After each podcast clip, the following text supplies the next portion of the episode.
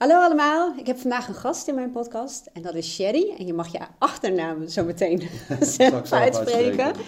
En ehm, kun je meteen jezelf even kort voorstellen? Uh, ja, zeker. Mijn achternaam is dus Abu Rayhan, hele mond vol. Sherry Abu Rayhan heet ik. Uh, ik ben 35, ben jeugdhulpverlener en uh, sociaal werker, ook gericht op jeugd. Ik woon in Apeldoorn. Um, ja, dat is het in een nutshell, denk ik. Ja. Er valt natuurlijk veel meer te vertellen, maar... Ja, maar dan moeten we een serie doen van 10 podcasts, denk ik. dus um, ja, ik ken Sherry uh, uit mijn uh, praktijk. En hij is ook lid van uh, een mastermind groep met ondernemers. Echt een hele leuke, goede groep, kan ik wel zeggen. En de reden dat ik Sherry heb uitgenodigd, omdat ik hem een persoon vind die um, echt uit niets in één keer niet in één keer, maar uh, toch het voor elkaar heeft gekregen om een leven te creëren uh, waar je heel erg blij mee bent. Klopt. En wat heel duidelijk is, en dat blijft heel consistent bij jou vanaf het eerste moment dat ik jou gesproken heb, dat je echt wel een man met een missie bent. Ja, ja. Ja, ik voel een, uh, een, een gedrevenheid. Ehm, ja, die neemt, neemt verschillende vormen aan, maar ik denk dat het in ieder geval een drang tot groei is. En die drang tot groei die ehm, uit zich op verschillende manieren. En dat verandert ook met de tijd. Um, maar, maar het stukje bewustzijn en, en groei, um, ja, dat is wel een centraal punt in mijn leven. Ja, en ik zie bij jou dat het, dat het heel erg over jezelf gaat, hè? maar ook over het delen. Ja. Van wat je dan uh, doet om zo te transformeren. Ja. En hoe je andere mensen daarin ook wil uh, laten zien dat er hoop is en dat ja. er mogelijkheden zijn. Ja, dat klopt inderdaad. Ik, ik denk dat dat uh, uh, voortkomt uit, uit, uit twee dingen. En een daarvan is dat ik best wel um, zware tijden heb gehad in mijn leven. Um, ik denk zelfs meer zware tijden dan leuke tijden. En de drang om daar uit te komen en mezelf te verbeteren. En uit een het leven dat, dat voelt als een leidensweg om te toveren tot een pad van meer plezier en genot. Um, dat heeft mij getriggerd om hard te werken en, en, en mezelf serieus te nemen, maar altijd met een knipoog, probeer ik tegen mezelf te zeggen. En tegelijkertijd weet ik dat het leven voor heel veel andere mensen ook zwaar is, of zwaar kan zijn, of zwaar is geweest, of zwaar kan gaan worden. En het, het heeft voor mij, het, het brengt mij zingeving om tegen mezelf te zeggen van joh, uh, dat pad wat ik heb moeten bewandelen, heb moeten doorstaan, is niet voor niks geweest, want het heeft een, een waarde en dat is namelijk um, ervaring die je kan inzetten voor anderen. Zeg maar van, ik, ik denk dat, dat ik um, uit mijn levenservaring heb kunnen leren dat het inderdaad mogelijk is om vanuit, vanuit niks, vanaf een, een, een dieptepunt, iets te maken van jezelf. We kunnen daar misschien straks uh, iets over vertellen, wat dat, wat, hoe dat punt er dan uitzag. Um, maar inderdaad, dat, dat een sprankje hoop soms genoeg is om, um, om een verandering uh, door te voeren. En, en dat wil ik inderdaad heel graag delen. Ja. ja. Ja, want jij werkt in de, in de jeugd, uh, ja, hulpverlening eigenlijk, ja, en jeugdzorg. Kun je daar heel kort iets over vertellen? Dat mensen daar een beeld van hebben wat je daar doet? Ja, ja zeker. Um, ik, uh, in 2015 ben ik eigenlijk begonnen als vrijwilliger in een jongerencentrum in, uh, in Apeldoorn-Zuid. Um, en dat idee is eigenlijk ook voortgekomen uit um, ja, een soort van een missie die, die ik toen al had om iets bij te dragen aan de mensen om me heen. Um, en ik wilde dat in mijn nabije omgeving doen. Um, dus heb ik me aangemeld als vrijwilliger, omdat ik zelf ook een, een, een, ja, een problematische jongere was. Um, dus ik dacht van joh, als ik dat nou kan inzetten en kan doorgeven aan die kids in de buurt, dan, dan lijkt me dat heel leuk. Nou ja, dat, dat, dat balletje is gaan rollen, dat werd een stage, dat werd een werkplek. Dus het sociaal werk wat ik doe, sociaal werk doelgroep jongeren, dan, dan ben je jongerenwerker. Ja. dan richt je op um, een preventieve inzet om te zorgen dat jongeren zich goed kunnen ontwikkelen. En dan heb ik het met name over de jeugd die veel op straat hangt. Die, die rottigheid uithaalt uit verveling, die grenzen aan het verleggen zijn, geen goede thuisbasis hebben, uh, risicogedrag vertonen op het gebied van uh, drank- en drugsgebruik, gedrag op school, spijbelen, dat soort dingen. Dus daar zet ik me dagelijks voor in. En dus daar, want je zegt preventieve zorg. En met preventief bedoel je dan als ze echt eh, volwassen zijn, dat hun leven dan op de rit is? Of hoe? Ja, ja, kijk, die jongeren zitten in een leeftijdsfase uh, waarin ze heel snel ontwikkelen. Zeg maar. Mhm. Van welke leeftijd heb je het ongeveer? 12, 13 tot en met 23 ongeveer. Ja, ja. Um, en um, ja, je wil inderdaad precies wat je zegt, dat ze hun leven op de rit krijgen. Uh, de rit gaan krijgen tegen die tijd dat, ze, dat de zelfstandigheid van hun wordt verwacht. Ja, ja. Um, Wel mooi hè, dat je ze nu, nu, dus eigenlijk handvatten mee kunt geven. Ja, ja. dat is ook een beetje de drive denk ik van jou en van mij eigenlijk ook. Hè? Van, om de handvatten die wij op een gegeven moment hebben geleerd of de kennis. Ja. Die je in een eerder stadium misschien mee kan geven. Ja, precies. En ik denk met gerichte aandacht en uh, oprechte interesse Um, met een stukje bewustzijn doorgeven, met een stukje levenservaring doorgeven, ja. Um, ja. dat je daar wel iets aan kan bijdragen. En, en ja, dat vind ik heel mooi om te doen. Um, en, heel even nog voor mijn beeldvorming voordat je verder gaat, hè? want je, je, zegt, je noemt ook jongeren uh, op straat. Ja. Hoe uh, ga je die actief zoeken of komen ja. ze bij jullie? Nee, nee, nee. Ik, ik, ik, ga ook de straat op. Oké. Dus, dus we gaan echt, ik alleen of met een stagiaire of met een collega, uh, stap in mijn auto en uh, ga vaste, vaste hangplekken af. Zeg maar plekken in de buurt die bekend staan als uh, ja, plekken waar jeugd samenkomt. Mm. en dan ga ik met ze in gesprek. Maar dan, dan loop je daarheen. Hoe benader je ze dan? Um, als, als een gelijke. Mm -hmm. um, als, als, ja, ik, ik zie mezelf op dat moment als een man die graag wil weten hoe het met hun gaat. Mm. En die wil kijken van, joh, kan ik jullie iets bieden? Dus heel erg vanuit een gelijkwaardige positie. En niet vanuit een autoriteit um, die hun gaat vertellen hoe zij zich moeten gedragen.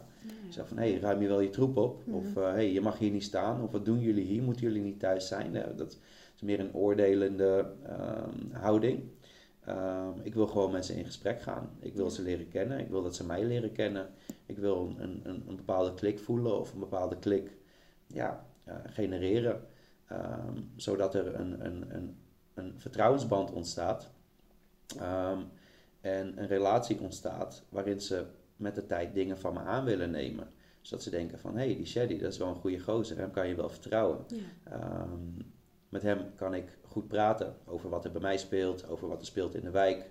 Want heel veel mensen hebben natuurlijk last van zo'n jeugdgroep. Ja. Um, ja, dan probeer je gewoon te kijken van, joh, hoe kan ik van waarde zijn voor jullie? Mooi. En komen ze daarna dan ook zelf naar jou toe? Of, of, of ga je dan elke keer daar weer naartoe? Uh, beide. Uh, er zijn ook uh, buurthuizen, jongerencentra. Die, die zijn specifiek bedoeld voor dat soort jeugdgroepen. Mhm. Om ze binnen te halen. Okay. Zodat ze van de straat af zijn. Ehm, geen overlast veroorzaken. Maar het is ook gewoon een hele fijne ruimte. Ehm, die je probeert te creëren in ieder geval. Waar ze zich veilig voelen. Waar ze zich vertrouwd voelen. waar ze zich op hun gemak voelen en zichzelf kunnen zijn. En dan heb je een hele fijne plek om ja, wat, wat diepere gesprekken te voeren. En die jongeren zich ook bewust te laten maken, worden van uh, hun eigen gedrag. Um, te veel blowen, niet naar school mhm. gaan, um, omgaan met ruzies, omgaan met seksualiteit. Um, ja, dat, dat soort onderwerpen komen allemaal, uh, komen allemaal naar voren tijdens die avonden. Ja. En ja, het, gaat dan ook veel om jongeren die dat niet vinden in een thuisbasis. Dus we zijn ja, een stukje onderdeel van hun opvoeding. Ja, ja.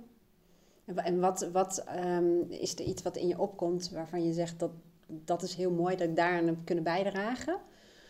Uh, ja, zeker. Um, ik denk een jongen die me doet denken aan mezelf toen ik 16 was. Die heel veel begon te blowen en te spijbelen en, en, en ja, dingen deed die eigenlijk bijvoorbeeld dingen, dingen aan het jatten is. Een jongen die mm. fiets aan het jatten is of een scooter aan het jatten is. Um, dat hij je in vertrouwen neemt en zegt van joh, ik wil eigenlijk heel graag stoppen met blowen. Ik wil eigenlijk heel graag iets doen met muziek. En um, ik wil wel mijn school afmaken. En nou, dat je dan samen een plan voor maakt van oké, hoe, hoe gaan we jou helpen zodat je niet van ochtends tot avonds uh, stoned bent.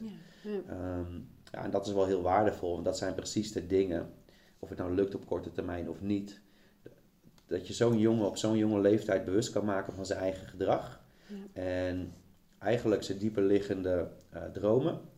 En dat je dat concreet kan maken, hoe hij dat voor zichzelf uh, met hulp uh, kan realiseren. Ja, dat, dat zijn mooie concrete dingen die je dan terugziet. Ja. Ja.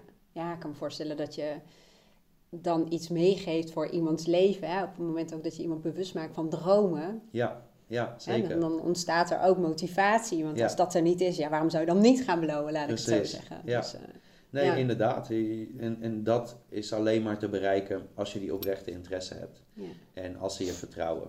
En dat, dat, dat is de basis om, om te werken met die kids. Um, anders heeft het geen zin. En, en dat ontstaat, zeg maar, met, met de tijd. als je consistent blijft in die interesse en aandacht. Um, en ook wat, wat brengt. Hè? Wat, ja, als je ze wat gunt. Want ze worden overal weggestuurd. Mm. Um, niemand is blij om hun te zien. Als je die jongens begroet met een glimlach en zegt van jongens, we gaan vanavond lekker eten samen. Uh, dan creëer je een sfeer, een dynamiek van, van, van geven en nemen. Ja. En je kijkt naar de mens hè, achter het probleemgedrag. Ja, hè, precies. Dat ja, ja, Nee, dat, dat is een hele goede. Je, je kijkt inderdaad vaak naar het gedrag. En het is heel makkelijk om daar een oordeel over te vormen. Uh, maar kijk maar eens inderdaad naar de persoon die erachter zit. Ja. En dan kom je erachter dat niemand is wie die op het eerste gezicht lijkt. Ja. Zijn vaak overlevingsmechanismen waar je naar, naar kijkt. Ja, mooi. ja. En hoe heb jij dat dan voor jezelf uh, gedaan? Hè? Door de, wat was voor jou het moment dat jij um, dat sprankje, volgens mij noem jij letterlijk een sprankje, had, hè? Waardoor jij toch uit de diepte uh, naar boven bent geklommen en ergens voor bent gegaan? Um, ik denk dat ik daar niet echt één helder, duidelijk antwoord op heb. Omdat het voor mij ook een proces was. Mm -hmm. Ik heb ook wel eens opgegeven in mijn hoofd. Ik heb de moed ook wel eens uh, losgelaten. Um, maar mijn dieptepunt was eigenlijk uh, tien jaar geleden na een verslaving, nou langer nog eigenlijk. Um, ik denk wel twaalf jaar geleden. Um, na een verslaving in een psychose terechtgekomen te zijn. Uh, in een verslavingskliniek te hebben gezeten. In een psychiatrische instelling te hebben gezeten. En dat heeft eigenlijk mij op zo'n manier wakker geschud. Dat ik dacht van ja, ik, ik wil dit niet meer. Het was, mhm. het was doodeng. Het was echt ehm, een hele heftige ervaring. En ik was altijd heel rebels, heel vrijgevochten. Um, maar dat, dat, dat kwam me duur te staan. Dus zeg maar op dat dieptepunt, de, de omgeving, de ervaring was zo heftig dat ik mhm. dacht van ja, ik moet de andere kant op. Zeg maar, ik wil niet meer dat, dat, dat stoere mannetje uithangen en, en zonder te denken alleen maar te doen. En vol frustratie, boosheid. Ik wilde dat niet meer. Ehm, maar ja, oké, dan heb je dat besloten. Maar als je jarenlang op een destructieve manier hebt geleefd, dan kan je niet in één keer dat helemaal omdraaien en zeggen: Oké, ik wil het niet meer, dus vanaf mhm. morgen ben ik constructief in plaats van destructief. Mhm. Dat is natuurlijk, je loopt achter in je ontwikkeling. Dus dat is een ontzettend lang proces van jezelf leren kennen, ehm, de wereld om je heen leren kennen erachter komen wat je nou echt wil. Dat, dat, is een zoektocht van jaren geweest. Ja. Ja. Ehm, maar het is altijd uh, blijven proberen. En op dat moment zag ik dat niet. Op dat moment was ik me niet zo bewust van mijn proces. Maar als ik achteraf terugkijk, dan kan ik wel heel duidelijk herkennen dat ik altijd iets heb geprobeerd. Ja. En altijd een, een perspectief had voor mezelf. Mm. En ook al viel dat perspectief dan in realiteit tegen. Dat je zegt van, oh ja, nee, dit was het toch niet. Of dit wil ik ook niet. Of ik pas mijn plannen aan. Ik was altijd naar iets aan het streven. En het is ook een beetje een proces van eliminatie. Uh, je kan niet in één keer iets vinden wat je fantastisch vindt en dat dan de rest van je leven gaat doen. Het is ook dingen proberen die je kan afvinken. Oh ja, dat is hem niet. En dan ga je weer door naar het volgende. Maar ik had altijd perspectief voor mezelf. En wat mij erg heeft gemotiveerd was inderdaad die persoonlijke grootte die ik had bereikt. Ik wilde niet terug naar die kliniek, ik wilde niet terug naar die instelling. Het was mentaal zo heftig, je zit zo vast in je eigen, in je eigen hoofd.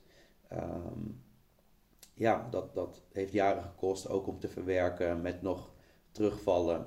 Ehm, waarbij ik eigenlijk alles kwijtraakte wat ik tot op de, op dat punt had opgebouwd. Waarbij ik weer moest beginnen vanaf nul. En dat is wel drie of vier keer gebeurd.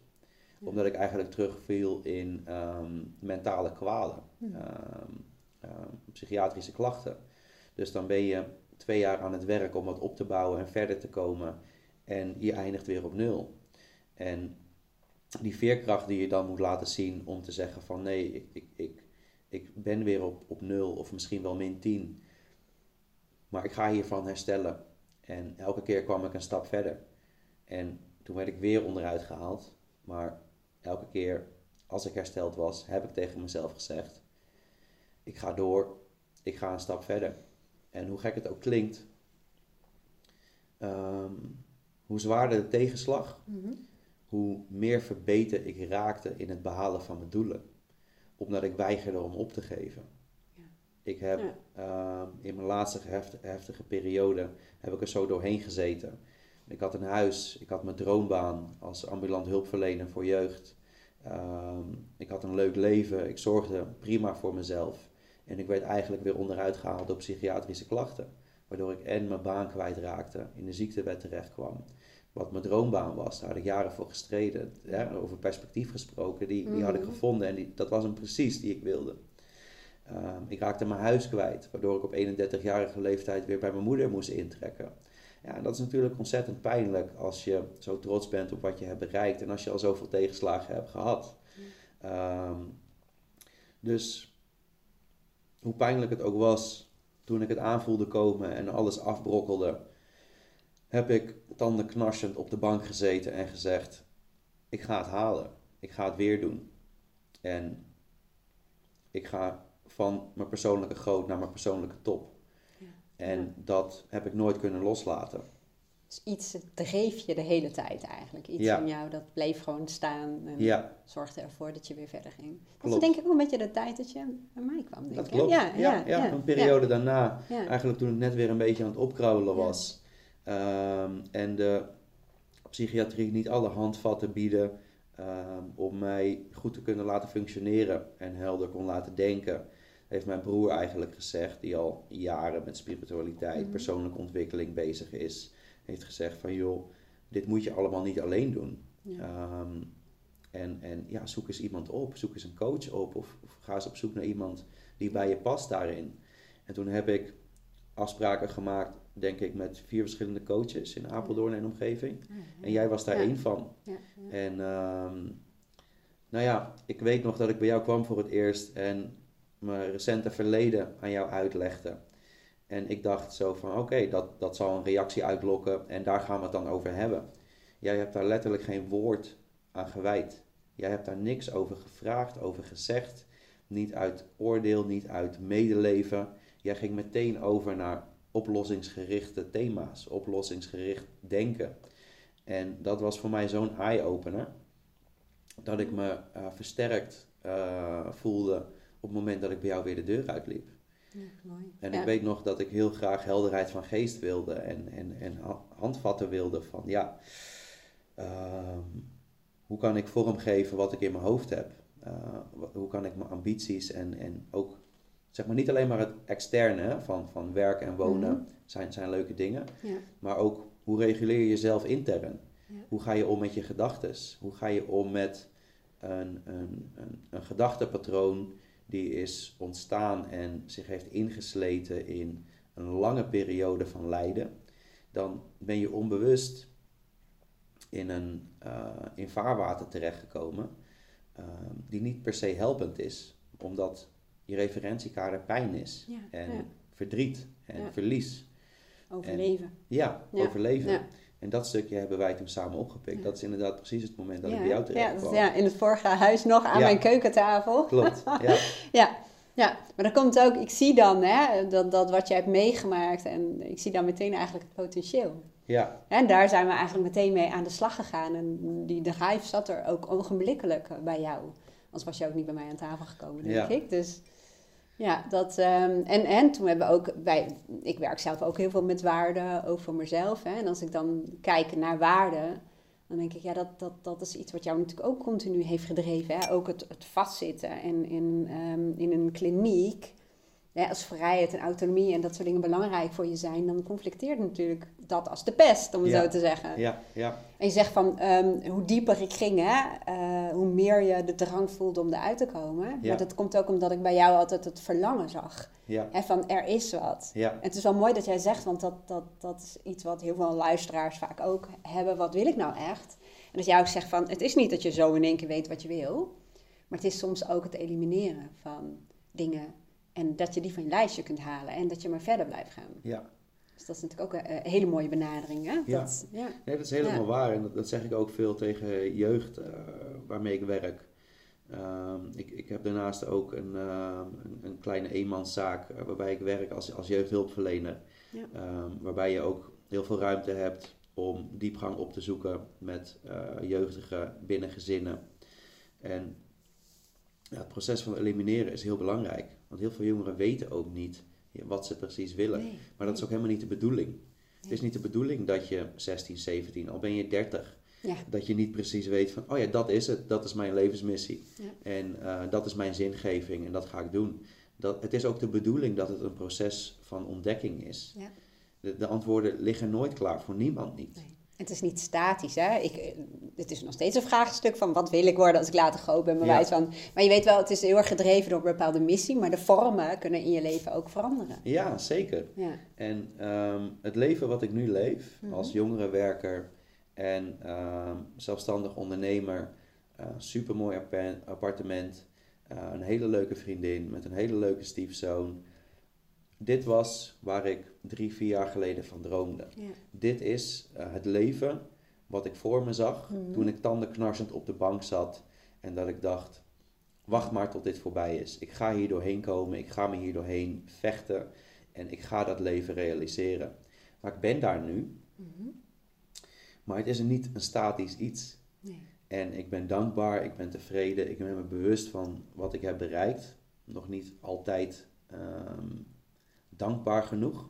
Soms moet ik mijn gedrevenheid temmen.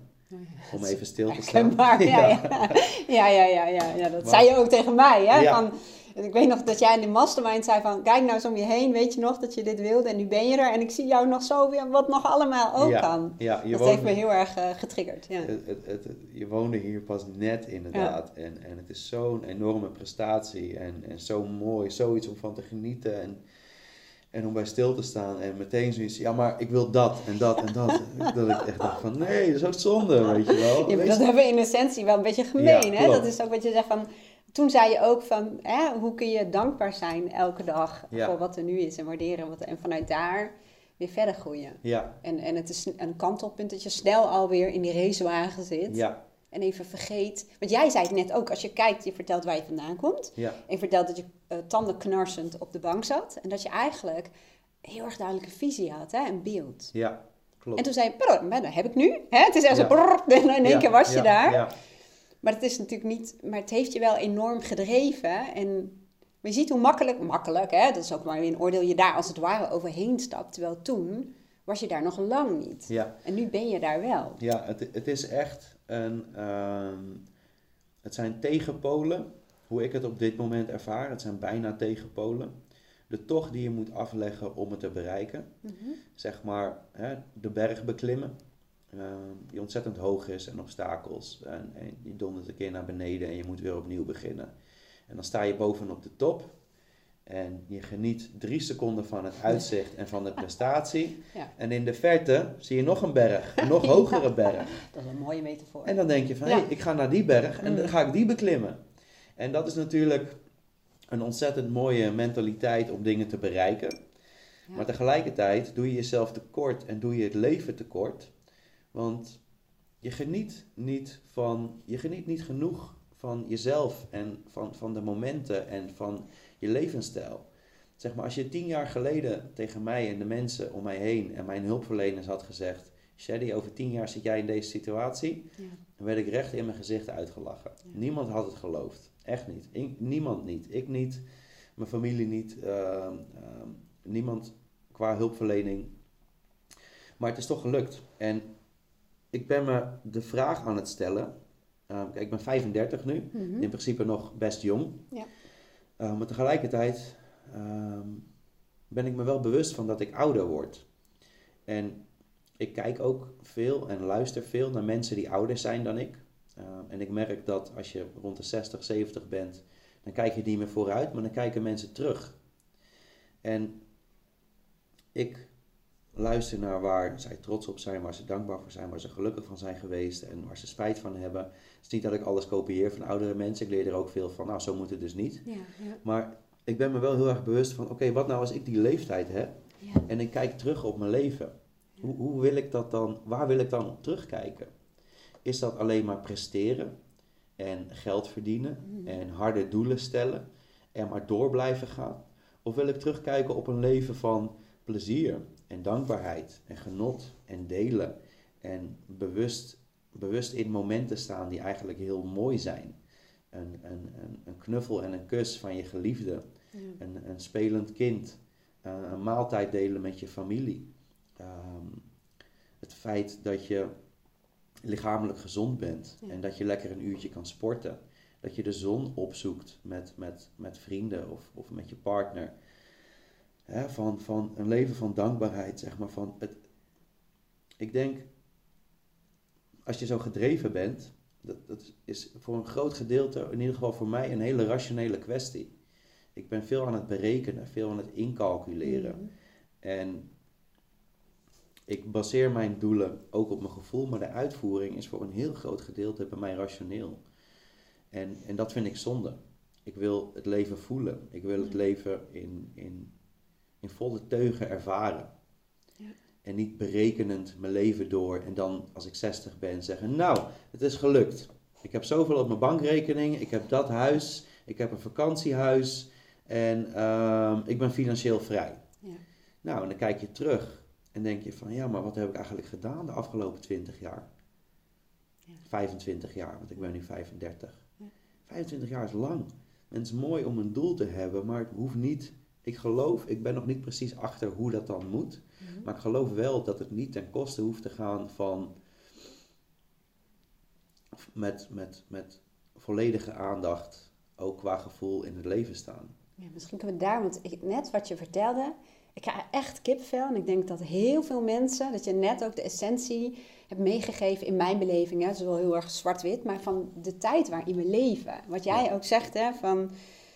ehm, je begon te vertellen over van, hè, eh, kijk ik dan terug op allerlei prestaties en dingen die je hebt neergezet. En op een gegeven moment zei je, begon je te vertellen over die momenten en koken en zo. En serieus, ik dacht echt serieus, ik voelde het verlangen ook. Ik zou heel vaak ook niet meer precies weten hoe dat nou moet. En Nee. wat, gisteren had ik dat ook, want hè, wij daar, we zitten niet voor niks hier aan tafel, omdat we dit soort gesprekken natuurlijk ook wel hebben. Wat jij exact zegt, ik denk dat we soms zo ver van onszelf verwijderd zijn. Ik, dat is ook mijn valkuil, hè? Ja. Dat ik gisteren dacht, leven we dan via ehm, Instagram als kanaal bijvoorbeeld, hè? In plaats van, ik heb het er ook afgeknikkerd hoor. Ja, goed zo. Want ik ben echt wat dat betreft in dat opzicht verslavingsgevoelig als het gaat om mijn telefoon. Ja, Eh, en alles wat erop staat. maar dat ik wel dacht, oh ja, ik heb soms niet eens meer het geduld om even naar de bomen te kijken. Behalve als ik wandel in het bos. Maar dan meteen dan komt er zo'n zo'n zo'n drang ja, om iets nuttigs te doen. ja, van, oh, kan ik me bezig zijn met mijn opleiding? Of kan ik misschien nog een podcast maken? Of kan ik Ja. even dit? Of ja, dan denk ik, dat, dat contact hè, met jezelf eigenlijk. En wat jij ook heel erg zegt, want ik heb eigenlijk alleen maar hoogbewuste, eh, intelligente mensen in mijn praktijk. Dat is de doelgroep waarmee ik werk. ja, Maar een valkuil is dat je inderdaad heel calculerend in je hoofd... ja, en dat je hem niet meer zo goed voelt. ja, Dat, dat je streeft naar allerlei zaken. En tijdens het streven ben je in het stre- aan het streven eh, naar de toekomst. Maar dan heb je dat. En dat punt ga je elke keer verzetten. Maar dat voelen. ja, Dat, dat langer dan die drie seconden genieten. Ja. Zonder meteen die andere bergen al te zien. Ik vind dat zelf ook gewoon enorm lastig. ja. Ja, nee, ja, snap ik. Dat, dat, ik. Ik denk dat dat het ook is. En ik denk ook niet dat je ooit het antwoord kan vinden en kan zeggen, nou, ik heb de sleutel gevonden om rationeel en eh, vooruitstrevend te zijn en om te voelen. Ik denk dat dat een constant proces is van bewustzijn, balans zoeken, ehm, alert zijn op je eigen gedrag, op je eigen gedachtes, Ja. eh, op je gevoel. En daarover moet leren van hoe kan ik meer in het moment zijn. Ehm, hoe kan ik eh, het ratio soms uitzetten zelfs. Niet eens verminderen, maar gewoon even uit. En ook al heb je dat gevonden, weet je hoe, die, hoe, hoe dat werkt, zul je op een gegeven moment weer in een stroomversnelling terechtkomen en volledig rationeel eh, en doelmatig eh, bezig zijn. En dan zul je weer eh, alert moeten zijn ook van, oh ja, ik doe nu even een stapje terug. Ja. Ik denk ook als ik daar even op in uh, mag haken. In mag haken is echt kantoortaal volgens mij. Dat heb ik nog meegenomen van vroeger. We kijken ondertussen even of de opnames er nog lopen. Dat is ook een heel verhaal apart. Ja, voor mij ook nog. Maar um, wat jij ook zegt, hè, ik denk ook dat dat niet een status quo is die je kan uh, bereiken. Ik heb in één keer oog voor het uh, dat daar uh, loopt. Dat is dan wel weer grappig. Ja, dat is een mooi moment. Dat, dat is een mooi moment, dat is het wel. Hè? Want wat jij ook zegt, je zet het, doordat we het hier zo over hebben, dan, um, ik benader heel veel dingen vanuit persoonlijkheid, hè, vanuit voice dialogue, met die verschillende kanten in onszelf. Ja. En ik denk dat dat geldt voor jou en voor mij eigenlijk ook, dat vroeger door overlevingsinstinct um, zijn we heel erg op ons hoofd gaan vertrouwen. En nou doet dat hoofd ons toevallig ook nog goed. Ja. Hè, dus het heeft ons heel erg veel gebracht en nog steeds. Um, en, en het is in de maatschappij worden we ook heel geconditioneerd om dat hoofd, om ons denken te gebruiken. Terwijl het is heel misleidend, want we kunnen dat denken, dat gebruiken we helemaal niet zo bewust als dat we denken om het ingewikkeld te maken. Um, maar um, wat jij ook zegt, van, uh, dat het echt ook gaat om, voice ook gaat over dan dat die hoofdkant, hè, het denken, aan je stuur gaat zitten. Hè, met, met een gedreven kant en dat gevoel dan eigenlijk helemaal geen ruimte heeft. En dat je letterlijk ruimte moet geven aan dat gevoel. En dan moet je ook heel bewust bijna doen, omdat het hoofd een soort primaire kant is. Ja. En dan zie je wat jij zegt, als je in een stroomversnelling komt, dan wordt vaak ook dat overlevingsmechanisme van vroeger, pam, getriggerd. Ja. Dat gaat aan het stuur zitten en dat gaat voor ons doen wat het altijd deed. Ja. En dat gevoel is soms voor mensen die veel in het hoofd zitten uh, onveilig. Of uh, diffuus. Of niet, ja. niet, uh, niet, je kunt het niet controleren. Je kunt het niet in hokjes stoppen. Je kunt nee. het niet calculeren. Nee. Ja. Nee, en, en ik ben een beetje qua persoonlijke ontwikkeling in een, in een, in een ta tak terechtgekomen. En um, heb ik de overtuiging um, opgedaan dat je je emoties moet kunnen controleren met je gedachten, met je hoofd. Ja. En ik geloof daar ook in. Ja. Want anders kunnen de emoties uh, het loopje met je nemen. Ja, die nemen het over. Die nemen het over. Ja. Maar ik ben er eigenlijk achter gekomen dat dat niet de manier is om te leven. In ieder geval als ik praat over mezelf. Dat kan ik mhm. natuurlijk niet bepalen voor andere mensen. Maar als er geen ruimte is voor gevoel en je uh, rationaliseert elke emotie weg, uh, ben ik erachter gekomen dat neemt een deel van mijn menselijkheid weg. Mm, ja. Want ik, ik, vind, ik voelde me afgelopen maandag, ik had hele drukke weken gehad. En uh, ik was dat weekend bij mijn vriendin geweest en nou, het was een beetje gekibbel en dat liep niet helemaal lekker. En, en ik zat zo vol met, met, een, met, met mijn to-do-list en mijn agenda en belangrijke zaken, ja. dat ik maandag aan het werk was en ik was mijn mails aan het bijwerken en ik dacht aan mijn vriendin en ik schoot helemaal vol. Ik schoot helemaal vol en ik voelde verdriet en ik voelde me kwetsbaar en ik wilde eigenlijk gewoon met mijn vriendin op de bank liggen en gewoon me even veilig voelen. En, en ik was me bewust van dat ik me zo aan het voelen was. En ik vond het fijn dat ik me even verdrietig voelde. Mm. Ik vond het fijn dat ik even kwetsbaar was. Ik vond het fijn dat ik even iemand nodig had die mij vasthield. In plaats van te geven en te zorgen en, en, en te plannen en noem maar op. En ja, verdriet is natuurlijk niet per se de meest prettige emotie. Maar het raakte me wel op een manier dat ik dacht van... Hé, hey, er zit nog een hele andere, diepere laag in mijn menselijkheid, waar, waar ik heel erg mee uit contact ben geraakt. Ja. Ja. En, en op dat vlak vond ik het prettig, zeg maar. En ik heb er ook al toegegeven. Ik heb mijn vriendin gebeld. Ik zeg van, joh, ik voel me echt kloten, hier en hierom. En ze zei van, joh, ik kom vanavond naar je toe. En het was echt super mooi. Ja. En dat ontstond dan vanuit verdriet. Hè? Verdriet laat je ook vaak zien wat belangrijk voor je is. Ja. Als je leert samenwerken met je verdriet, als je dat dan durft, hè? Ja. Ja, ja. precies. Nee, daar heb je helemaal gelijk in. En uh, ik, ik, ik doe kleine oefeningen met mezelf om dat meer terug te krijgen. En wat doe je dan? Uh, ik, ik ga bijvoorbeeld, ik, ik heb hetzelfde als jij. Als ik een rustmoment pak, dan ben ik heel snel afgeleid om, ik ga nog een keer mijn, mijn financiële jaarplan doornemen. Ik ga nog een keer mijn agenda doornemen. Heb ik wel alles goed ingepland? Uh, moet ik nog andere prioriteiten stellen in mijn to-do-list? Moet ik op strategisch vlak nog iets bedenken? Ik ga heel snel weer daarin. Maar dan ga ik gewoon op de bank zitten en dan mag ik niet op de telefoon van mezelf. Oh ja. Die leg ik gewoon weg. Mijn televisie blijft uit en dan ga ik gewoon even zitten of ga ik gewoon even liggen. En ik voel dan niet meteen rust. Nee. Ik voel dan eigenlijk onrust en een beetje angst. Ehm, bijna een kant, ja, precies wat je zegt. Dat overlevingsmechanisme, dat rationele, dat wil het overnemen. Mm. Die wil mij in beweging brengen. Ja. Maar dan zeg ik gewoon tegen mezelf, oké, vijf minuutjes niet. Vijf minuutjes gewoon even zitten. Gewoon even Dus je geeft het een soort van eh, de- tijd mee, zeg Ja, maar. ja. ja, en, en dan mag ik gewoon even een paar minuten gewoon even letten op mijn ademhaling. Ja. En gewoon even stilzitten. En ik woon op vier hoog tegenover een hele grote boom. Piek van een boom. Dat is op zich heel Oh, grappig. ja, ja. Dat je op dezelfde hoogte woont als een hele hoge boom. Dat, ja, ik weet niet. Vind ik op zich wel. Dit komt me zo bekend voor dat je dit vertelt. Maar ga verder. Ja, Ja. ja. En dan kijk ik gewoon even naar die boom. En dan zie ik hem gewoon even waaien. En dan ehm, let ik gewoon even op mijn ademhaling. En dan kom ik weer terug bij dankbaarheid. En probeer ik ook tegen mezelf te zeggen, zonder het te forceren, van... Jongen, een paar jaar geleden ehm, ging het zo slecht met je. Ehm, kijk eens wat je om je heen hebt, weet je wel. Van, je was blut, je had geen werk, je zat mentaal in de knoop, je had geen huis, je had niemand om je heen. Ehm, zo van, joh, sta maar even stil. Sta Ja. maar even stil.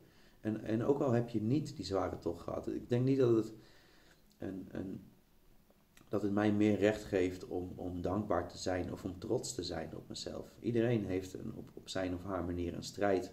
En ook al heb je je hele leven een, een, een, een relatief makkelijk leven gehad. Wees maar even dankbaar. Wees Mhm. maar even trots op jezelf. Er zijn, er zijn zoveel dingen, klein en groot, om, om, om, om, via die dingen geluk te ervaren. Ja, ja. Dat kan ook zijn dat er... Wij hebben allemaal schoon drinkwater uit de Ja, kraan. ja, ja. Dat, dat is al zo'n En bijzonder warm iets. water. Ja, ja, ja. We kunnen de verwarming aandoen Ja. wanneer we willen. We kunnen Ja. elke dag douchen. Dat, dat is een zo'n groot gedeelte van de wereld helemaal niet zo vanzelfsprekend. Ik heb een kast vol kleren. Ja. En dat soort simpele dingen. Dat, dat, ik heb hele grote ramen in, in mijn huiskamer. Die kan ik openzetten en dan waait de frisse lucht naar binnen. Ja.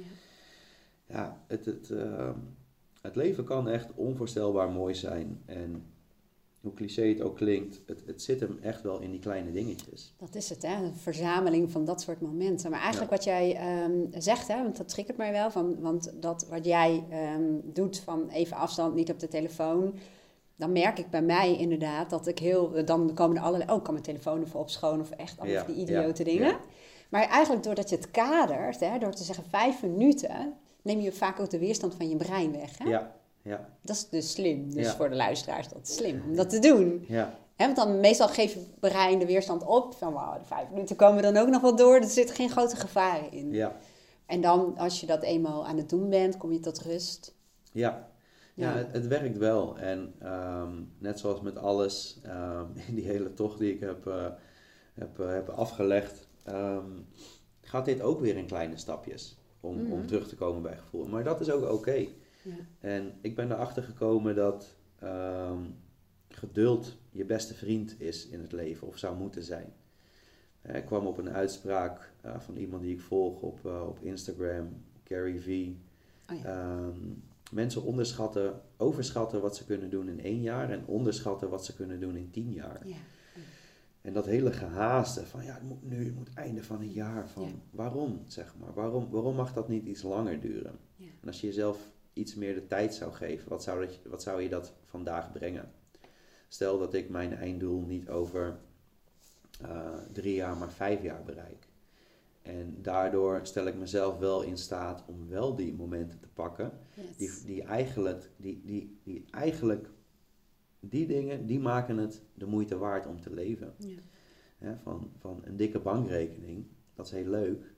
Maar als jij geen tijd maakt voor je geliefde, omdat Zijn je dat aan het verdienen bent, zijn het maar getallen. Ja, ja, En dan raak je die mensen allemaal kwijt, maar die ga je dan delen. ja. Ik zie het dan heel erg voor me, en daar werd ik me laatst heel erg bewust van.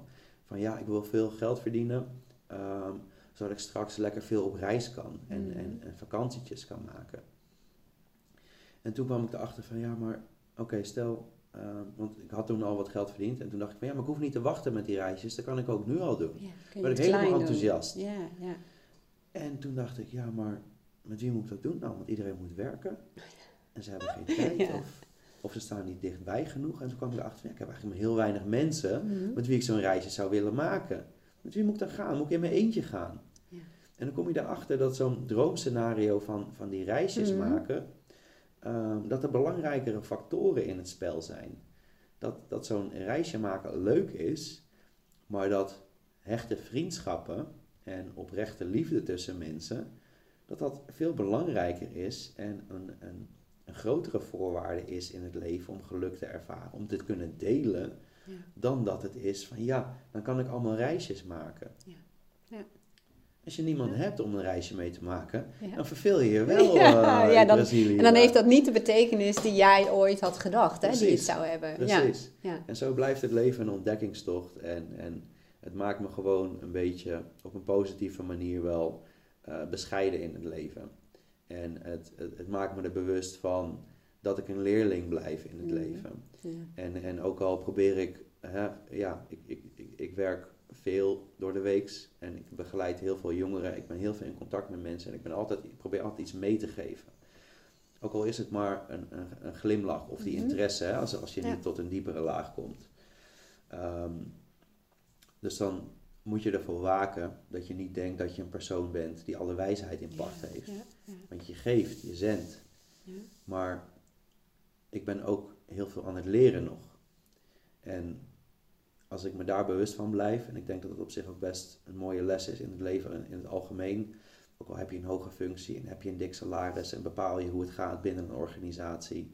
Van joh, dat, dat is maar een heel klein aspect. En het leven is veel breder dan, dan dat. Ja. Het, kent zoveel facetten. En ik denk dat het goed is op een bepaalde manier nederig te blijven. Dat woord wilde ik ook introduceren. Ja, ik, Ja, ik ja. heb soms moeite met, het woord nederig, omdat ik, omdat ik er niet van hou om, eh, om mezelf, of ook als ik dat zie bij andere mensen, me kleiner te maken Mm. dan anderen. Ik, ik vind dat iedereen gewoon gelijk ja, is. ja. Maar, maar tegelijkertijd, ik ben wel nederig in, in het leren, lerende proces in het leven. En, en dat er dingen zijn die groter zijn dan, dan ik. Ja. En dan heb ik het niet per se over een god of wat dan ook. Maar alleen de natuur. Precies. Ja, nou, ik heb ik echt, toen jij aan het vertellen was en jij gebruikte eerst het woord bescheiden. Toen dacht ik nederig, die ga ik zo introduceren. Want Ja. nederigheid hè, kan zijn dat je jezelf kleiner maakt, maar nederigheid kan ook gewoon het besef zijn dat jij en ik, we zijn hele kleine onderdeeltjes van een, eh, een heel, eh, heel grotere natuur. Wij zijn ook natuur, wij zijn Ja. onderdelen daarvan. Ja. En die metafoor die jij gebruikt met die berg, ik heb met bergen, als ik die zie, bijvoorbeeld met reizen, dan voel ik me zo immens nederig, als dat Ja. een woord is, immens. Maar zo die grote bergen die er al zo lang zijn. De bomen die er nog steeds zullen zijn als ik er al niet meer ben. Ja. Hè, dus nederigheid is voor mij ook, het, het relativeert. Hè? Dat je, dat je, wij denken als mensen alles maar te kunnen controleren en calculeren. En, Ja. Maar kijk nu, hele corona, we denken dat wij eh, de slimste zijn hier op aarde. Maar de vraag is of dat werkelijk waar is. Hè? Dus inderdaad, nederigheid ehm, zorgt voor mij voor eh, verbondenheid. Ja, Voor, voor, mooie. voor alles. Hè? Als ik Ja. hier in het bos loop, dat is eigenlijk een van de weinige momenten, omdat ik een afspraak met mezelf en de hond heb. Alsof hij me aan zou spreken, maar hè, zodra ik de poort uit ga, dan eh, gaat mijn telefoon uit. Of tenminste, geluid uit en dat soort dingen. En dan ben ik daar. En dan voel ik me ook vaak nederig. En als wij dan samen overdag een, echt een gigantisch her tegenkomen, dan voel ik me nederig. En Ja. nederig is voor mij ook dankbaar en besef ja, dat, dat je hier mag zijn en dat je onderdeel uitmaakt van. Van een heel ecosysteem eigenlijk, ja. waar wij niet boven staan. Ja. ja, die connectie met nederigheid en dankbaarheid, die voel ik inderdaad ook. Ja, Eh. De drang loslaten, wat je ook zei, om te kunnen controleren. Ja. Eh, maar het, het is veel mooier om, om te aanschouwen. Ja. En soms kan je je zo ja, groot voelen in je eigen leefwereld. En Mhm. daar bedoel ik niet per se mee belangrijk of bepalend, maar meer van de dingen die jij in je hoofd hebt en als belangrijk De bestempeld. to-do-list. Precies. ja, ja, Dat ja. kan voor ja. mij, dat kan voor mij mijn hele wereld zijn. Ja, ja, ja. Dat je dat ja. lijstje moet af. oeh. En oh, ik moet die nog een mail sturen. Ik moet iemand van de gemeente een mail sturen. Ik Ja. toestemming voor nodig. Dat, dat, is dan, dat beslaat alles in mijn Mm. hoofd. Ja. En inderdaad van die nederigheid. Van joh, we zijn allemaal maar zo klein en, en zo, zo, zo nietig.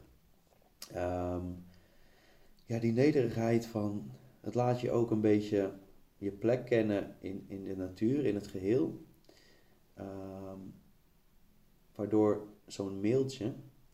Ja, ja, ja, ja dat is hem wel. Wat, wat, wat doet het ertoe? Wat doet het ertoe of die vandaag of morgen is? Nou, als hij een dag te laat, wat vreselijk. Ja, dat is ook een beetje als je. Ik zeg wel eens tegen mensen, voor mezelf ook, van stel dat je. Iedereen heeft een innerlijk speelskind, noemen ze dat in de voice ook. Hè? Stel dat je die eens mee zou nemen naar je grote mensenleven. Ja. Hè, die, die, die zit dan te kijken naar wat er allemaal moet gebeuren in je klant in dat mailtje. En het is gewoon irrelevant. Hè? Ja.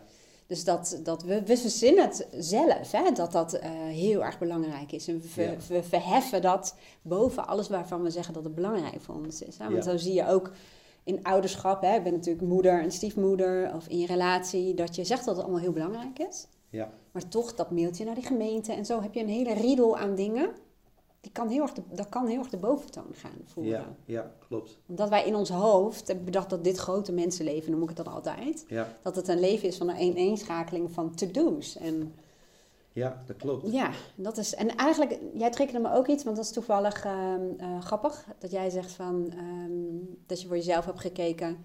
Maar waarom moet het allemaal eind van dit jaar, dat doel? En waarom, wat zou er gebeuren met me als ik mezelf vijf jaar gaf? Ik heb exact diezelfde vraag op mezelf gesteld, pas geleden. En dat gaf ruimte. En dat gaf creativiteit. Precies, ja. En, het, ehm, en dingen mogen wat meer ontstaan. En ik heb ruimte om te spelen en te experimenteren. Ja. Dan ga je veel meer in het proces zitten dan dat je heel gejaagd dat doel wil gaan bereiken. Ja, nee, absoluut. Ik, ik denk inderdaad dat het uh, ook het eindresultaat ten goede komt. En tegelijkertijd denk ik, ehm, als je het vanuit, vanuit doet, vanuit uh, rust en vertrouwen en het feit, de tijd is er. Zeg maar. Je, hoeft, je, hoeft daar, je hoeft daar niks voor te doen. En een tijdsdruk, um, die bedenk jij wel zelf. Ja, want dat kan helemaal niet. We kunnen ook niet meer of minder tijd hebben. Nee, Tijdsdruk nee. is eigenlijk een woord wat technisch niet kan. Nee, precies. Het is meer ja. activiteitsdruk. ja, ja, precies. Ja, ja. zeg maar, de, ja. de, er, zijn, er, is, er zijn zeeën van tijd en ruimte. En, en daar mag je in zwemmen, daar mag je in vliegen. Ja. En ik denk, het besef en, en de mindset dat, dat we omringd zijn door die tijd en door die ruimte en dat we vrij zijn om daarin te bewegen hoe we willen, wanneer we willen, waarom we willen. Dat dat veel meer ruimte geeft om te creëren. Mhm.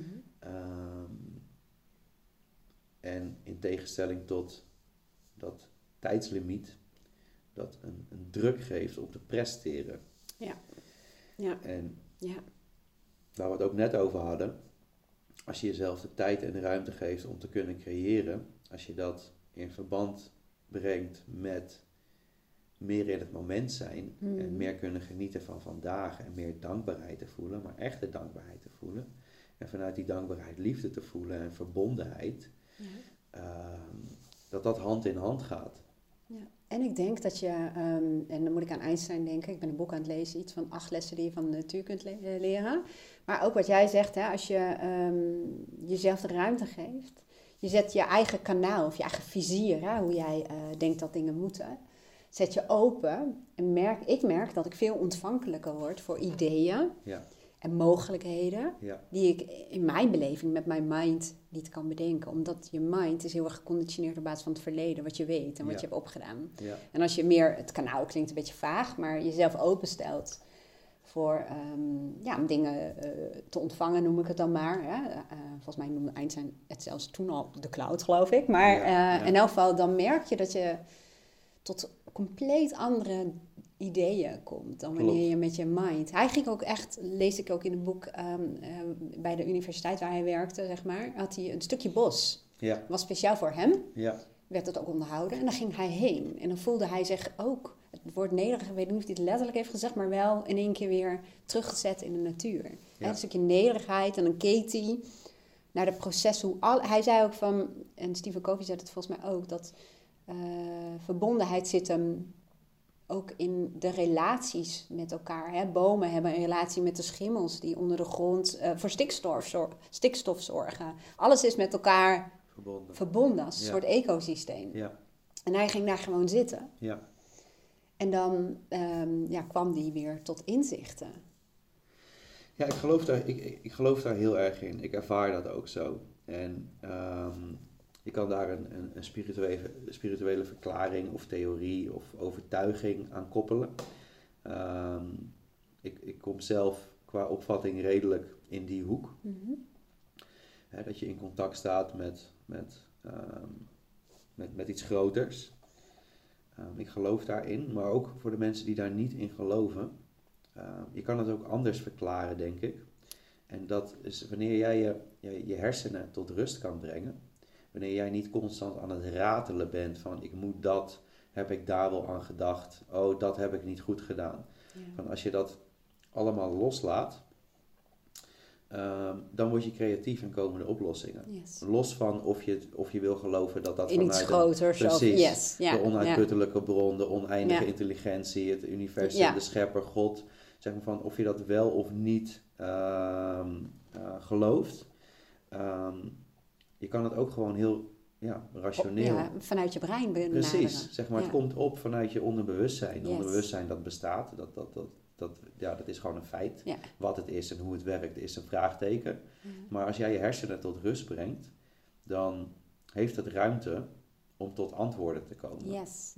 Ja. En um, het Eureka-moment, um, zeg maar dat verhaal, dat kwam toen die man in bad lag te ontspannen. Mm. Hij lag rustig in een warm bad. Ja. Hij voelde zich heerlijk. En in één keer, Eureka. En hij begon naakt over straat te rennen. En, en de meest briljante ideeën en oplossingen, uh, de grootste creatievelingen, um, ja, die, die bedenken dat vanuit een staat van rust. Yes. Vanuit een staat van, van, van zijn. In, niet doen. Ja, precies. Jezelf uit kunnen zetten. Of, en dat, dat vereist oefening. Ja. Ehm, maar dat is wel waar ook ik oplossingen voor, me, voor problemen tegenkom. Ja. En het is heel vreemd, maar ehm, ik ben er nu langzaam probeer ik het er weer in te voeren. Een stukje meditatie, juist om die rust te ervaren. Maar daar kwamen gewoon oplossingen voor. Van ja, welke kant moet ik op met mijn leven? Moet ik wel of niet voor die beroepsregistratie gaan of moet ik meer gaan voor rust? Bijvoorbeeld zoiets. En ja, dan weet ik het niet, want je gaat erover nadenken, je gaat erover piekeren. Vanuit bestaande uh, zienswijze. Ja, precies. Inderdaad, wat je net zei, die overtuiging die je eigenlijk al hebt, daar ga je het op baseren. Maar ook ben bang dat ik uh, overspoeld raak. oh, ik ben bang dat het me te veel tijd kost. Ik ben bang dat, het, dat ik een slecht product aflever. Maar als je dan zit vanuit, vanuit die rust, dan, dan, ja, dan, dan, dan, dan voel ik die antwoorden komen. En in één keer, oep, het schiet in mijn brein. En ik weet het, ik voel me er helemaal goed bij. En mijn koers is bepaald. Ja. Ja, dat wat jij eh, ook eigenlijk aangeeft van het onderbewustzijn of het onbewuste brein, hoe je het wil noemen, hè, ehm, dat heeft een heel andere wijze van uh, informatieverwerking, maar ook, uh, ja, moet ik zeggen, ons rationele brein, ons analytische brein, wil heel graag een kop en een staart. En die wil chronologische volgorde. Heel lineair, zeg maar. En het onbewuste brein is juist heel ja, abstract, conceptueel. En die ordent informatie op een heel andere wijze. Klopt. En ik denk dat je met je bewuste brein kun je uh, de aandacht zetten op het stellen van de juiste vragen. Hè? Wat jij net ook zei, welke kant wil ik op mijn leven op? En soms helpt het om het ook wat scherper te maken. Wat bedoel je met kant? En door de juiste vraag te stellen en het dan te laten rusten, ja. dan gaat ook je onbewuste brein gaat ook openstaan. Uh, ook om antwoorden en mogelijkheden te signaleren in, in je ervaringen. En die construeert dan wat. En dat flop komt er dan uit als je luistert. Ja. Ja, ja, dat, ik, uh, ja ik kon het zelf uh, niet beter verwoorden dan, uh, dan jij net doet. Dat, dat, dat is precies wat ik voel ook. En hoe ik dat, hoe ik dat ervaar. En, en wat ik ook denk dat waar is muzikanten en schrijvers die, die praten daar ook over. Ja, ja. Ehm, een dove componist die de meest prachtige symfonieën uh, in elkaar zet. Hij zei ook, dit, het komt tot me, het komt, het komt, het komt binnen. Um, dus ja, het is heel bijzonder hoe dat werkt. En en weet je wat het rare is, zeg maar, dat voelt dan ook als iets, als iets spiritueels, bijna als iets magisch. Ja, ja, ja. En, en ik, ik vind dat heel interessant en het spreekt tot mijn verbeelding. Maar het is ook een reden dat, dat de mensen afhaken. Ja, oneindige intelligentie, wat is dat nou? Mm, En, universum. hè? Ja, ja, ja, ja, ja, ja. Stom woord, kom er steeds vaker tegen, weet je wel. Doe, doe gewoon normaal. Maar wat, wat, waardoor het ergens wetenschappelijk onderbouwd is, Mhm. ook al is dat nog maar voor een heel klein gedeelte en zijn er veel meer vragen dan antwoorden, maar is kwantumfysica. Klopt. En dat, dat is een, een te groot eh, onderwerp, denk ik, om nu uitgebreid over te hebben. Wij moeten een hele serie gaan doen, Ja, volgens ja, mij. eigenlijk ja, wel. ja. Maar de Ja. kwantumfysica is, is zo'n interessant thema, wat, wat in theorie zoveel mogelijk maakt. En zoveel verklaart ook. Ja. En inderdaad, precies wat je zegt, wat, wat ons rationele brein niet kan bevatten, niet kan verwerken, ehm, eh, is eigenlijk heel beperkt, on- ons, ons bewuste brein. Ja. En dat, dat onderbewuste, dat, dat, ja, daar zijn mogelijkheden, oplossingen, creaties. Ja. Ehm, en dat gelinkt aan, aan hoe de kwantumfysica werkt, wat daar in ieder geval tot nu toe over bekend is. Ja. Ja, dat, dat, dat, dat, dat staat in een heel mooi verband met elkaar, zoals ik het opvat. En eh, voor de mensen die luisteren en eh, eh, dat interessant vinden, ehm, er is een, een, een boek, A Happy Pocket Full of Money, ehm, waarin er een hoofdstuk ehm, wordt besteed aan kwantumfysica. Ja. En ook hoe dat in verband staat met andere delen van je leven. Dus op een hele nuchtere manier wordt er gewoon gesproken over, waar veel boeken over gaan, van leef je mooiste leven, maak je dromen waar, er is heel veel mogelijk. En dat wordt ook in verband gebracht, ergens met iets heel rationeels, ergens met iets spiritueels, maar ook met iets wetenschappelijks, Mm. namelijk de kwantumfysica. En ook al kunnen we niet verklaren hoe kwantumfysica precies werkt, voor de mensen die daar waarde aan hechten, het is wetenschappelijk Ja. bewezen Ja. dat het zo werkt. En ja, het, het is ook gewoon, hè, je hoeft het ook niet zo serieus te nemen. Het is ook gewoon in, interessante informatie om een keer tot je te nemen en een keer over na te denken.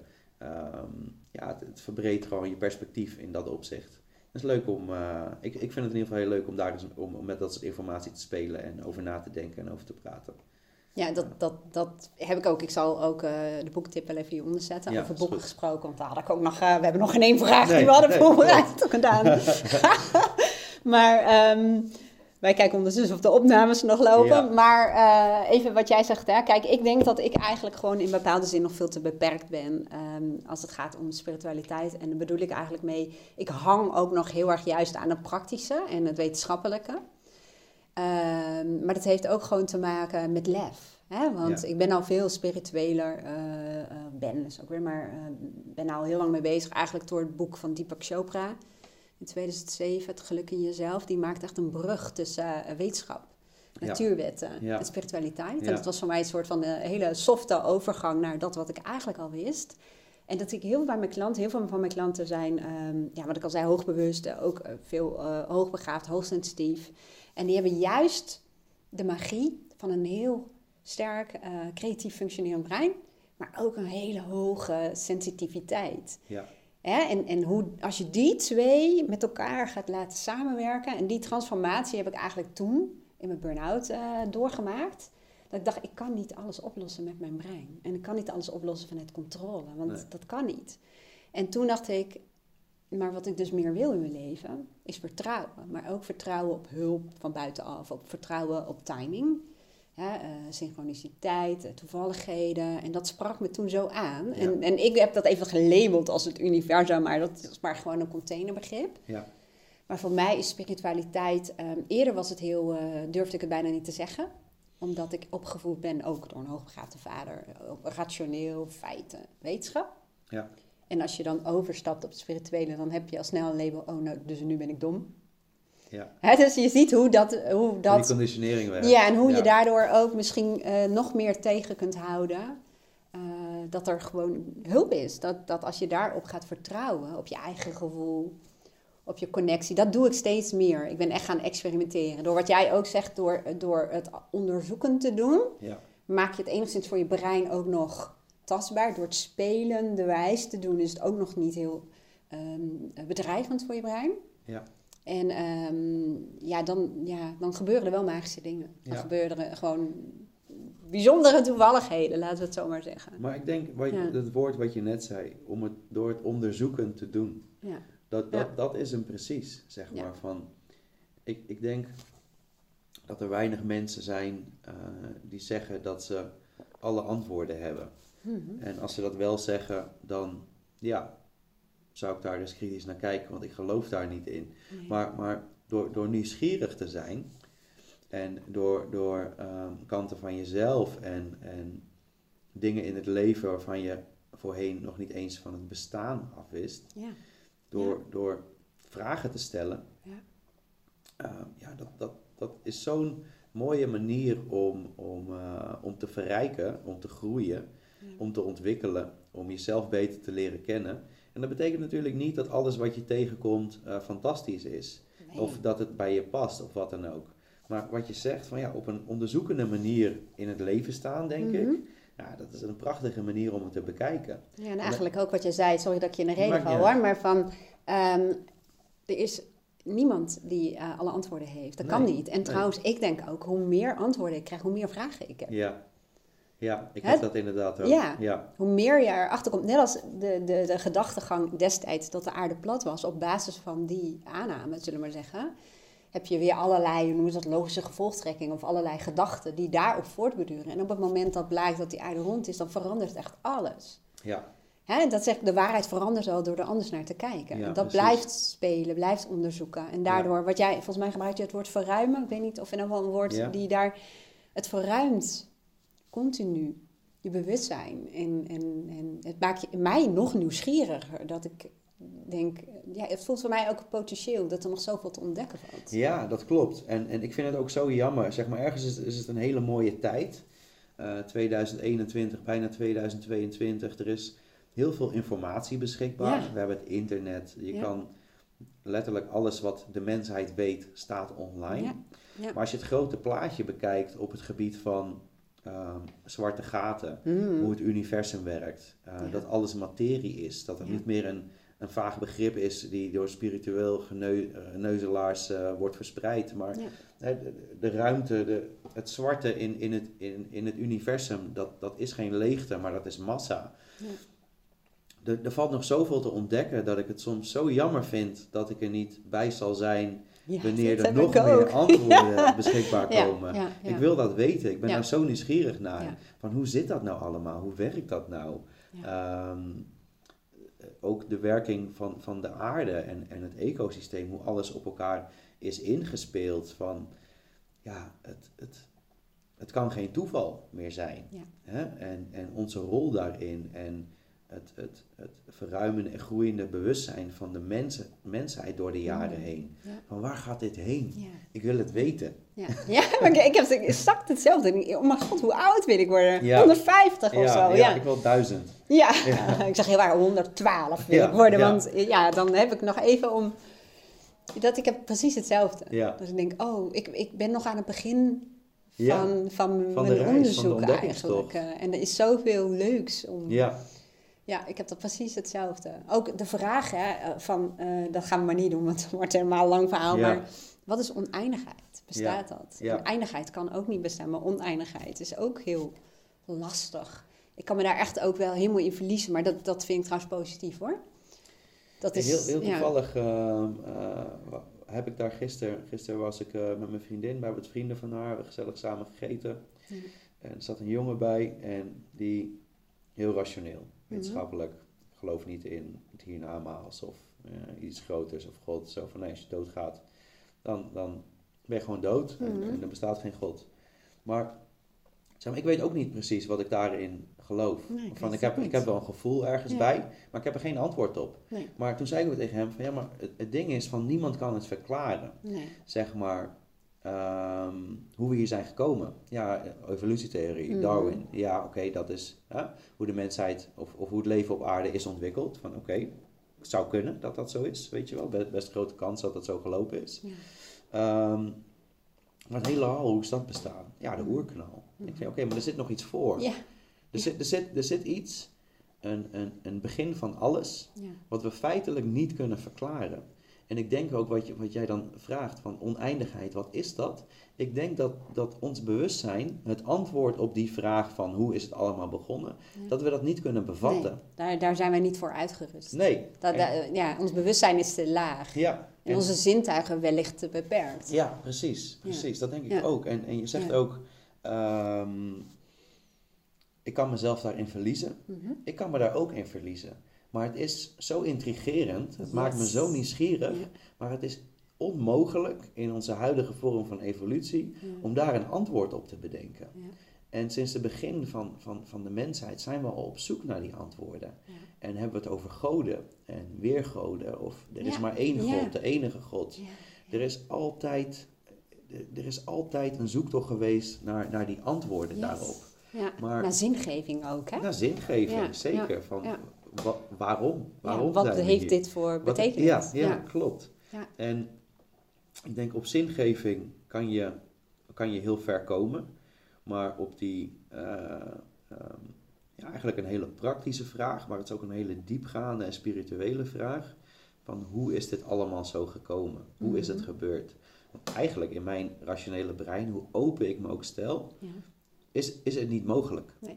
Want er is iets ontstaan uit niets. Ja, en Of dat iets kan al wat niet. altijd lopen is we geweest. vast. Ja, ja. dan loop je vast. Ja, loop je vast. En dat ja. vind ik ergens mooi, maar ergens ook heel frustrerend. En daarom wil ik duizend worden, zodat ik hopelijk die antwoorden krijg. Ik merk ook, ik heb een abonnement op eh, Discovery eh, Channel, een apart kanaal dan van Discovery Channel. En daar hebben ze ook allerlei eh, documentaires over de zon, over het universum, zwarte gaten. En echt, eerder dacht ik, ik ga dat gewoon niet zeggen, want dan schaam ik me. Maar ik kan daar echt bij huilen. Ja. En waarom?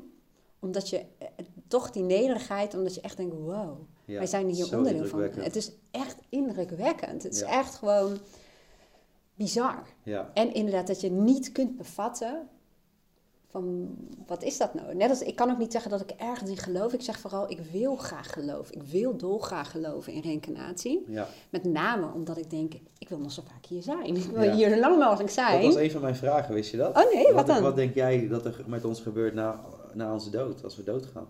Nou, Dat was een van mijn vragen. Nou, dat is mooi dat het zo. Nou, wat ik hoop, dat, want ik kan alleen maar zeggen, eh, ik kan niet zeggen dat ik denk dat het gebeurt. Ik kan alleen maar zeggen, ik hoop Ja, dat dat het is. ja, Eh, wat ik hoop is dat we een soort van ziel zijn, om dan toch maar even dat woord te introduceren. Ehm, die met een missie hier komen op aarde in een lichaam en een, een ervaring hebben. En wellicht zelfs echt een missie. Hè? Een, Ja. een, ehm, eh, dat we wel keuzevrijheden hebben om, om de wijze hoe je die missie hier gaat leven. Dat je ook kunt leren. eh, ook kunt, bijdragen aan de expansie, ja, de uitbreiding weer van het universum, denk ik, hè, Ja. Ehm, en, en wat ik wil geloven, maar dat kan ook vanuit mijn ego komen. eh, angst voor verlies, dat je dat doet met bepaalde zielsverwanten. En er zit natuurlijk ook het verlangen in om elkaar terug te blijven zien. Maar dat, dat is het wat ik graag zou willen geloven. En wat ik... Ik heb met mijn vader, die, waar juist vroeger was hij heel erg rationeel... heb ik ook gesprekken over kwantumfysica. En hij zegt ook, als iets doodgaat... Hij zegt dan, ehm, het kan niet weg. Niks kan Nee, weg. nee. Het, het dient weer iets anders. Maar ja. ja, wij hebben gesprekken over, maar wat stuurt dat lichaam dan als het ware aan? Wat zit er in dat lichaam? Wat is... Hij heeft ook bijna doodervaring gehad. En dan is, heb je ook een heel raar bewustzijn, zeg maar. ja, Ik heb dat over mezelf ook gehad. En denk je, ja, ik vind een gedachte van een ziel wel heel mooi. ja, Met name ook, eh, daar zit mijn verlangen ook in, dat je inderdaad dan wellicht weer terugkomt. Maar Ja. het, het klinkt voor mij ook wel logisch. En met name omdat je ehm, ook de connectie, hè, met telepathie bijvoorbeeld. mhm. En ik denk dat komt niet vanuit ons lichaam, denk Nee, ik. Nee, Hè, en, en verstrengeling, hè, zo kwantumfysica, maar ze hebben met honden dat ook. Ehm, als Aaron thuis komt, zou je kunnen zeggen: een hond is geconditioneerd, heeft een bioritme. Maar als hij op onverwachte tijdstip thuis komt, een kwartier van tevoren, wordt hij helemaal rustig, gaat naar het raam lopen. ja, En hè, verstrengelingen, dan denk ik: waar zit dat? Is, dat is in mijn beleving niet het fysieke deel. nee.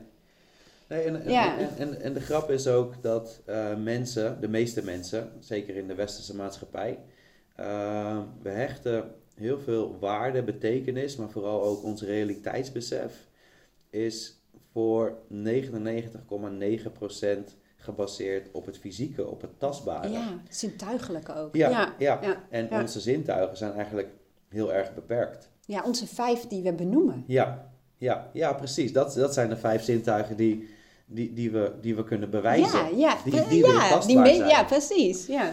Ja. En de grap is, ehm, als je inzoomt op waar wij van gemaakt zijn, waar ons vlees van is gemaakt, en Mhm. onze botten en ons bloed, maar ook deze tafel, deze computertelefoon, je auto. Als je daarop inzoomt, eh, dan kom je op het niveau van atomen, Ja. eh, neutronen. Als je daarop inzoomt, ja, precies, Ja. dan, dan ehm, is op het, op het kleinste niveau wat we, wat we kunnen waarnemen, eh, op het niveau van die subatomen, Ja. eh, dat bestaat voor 99,999 met nog een hele hoop negens Ja. uit energie, Ja. uit iets niet tastbaars. Ja.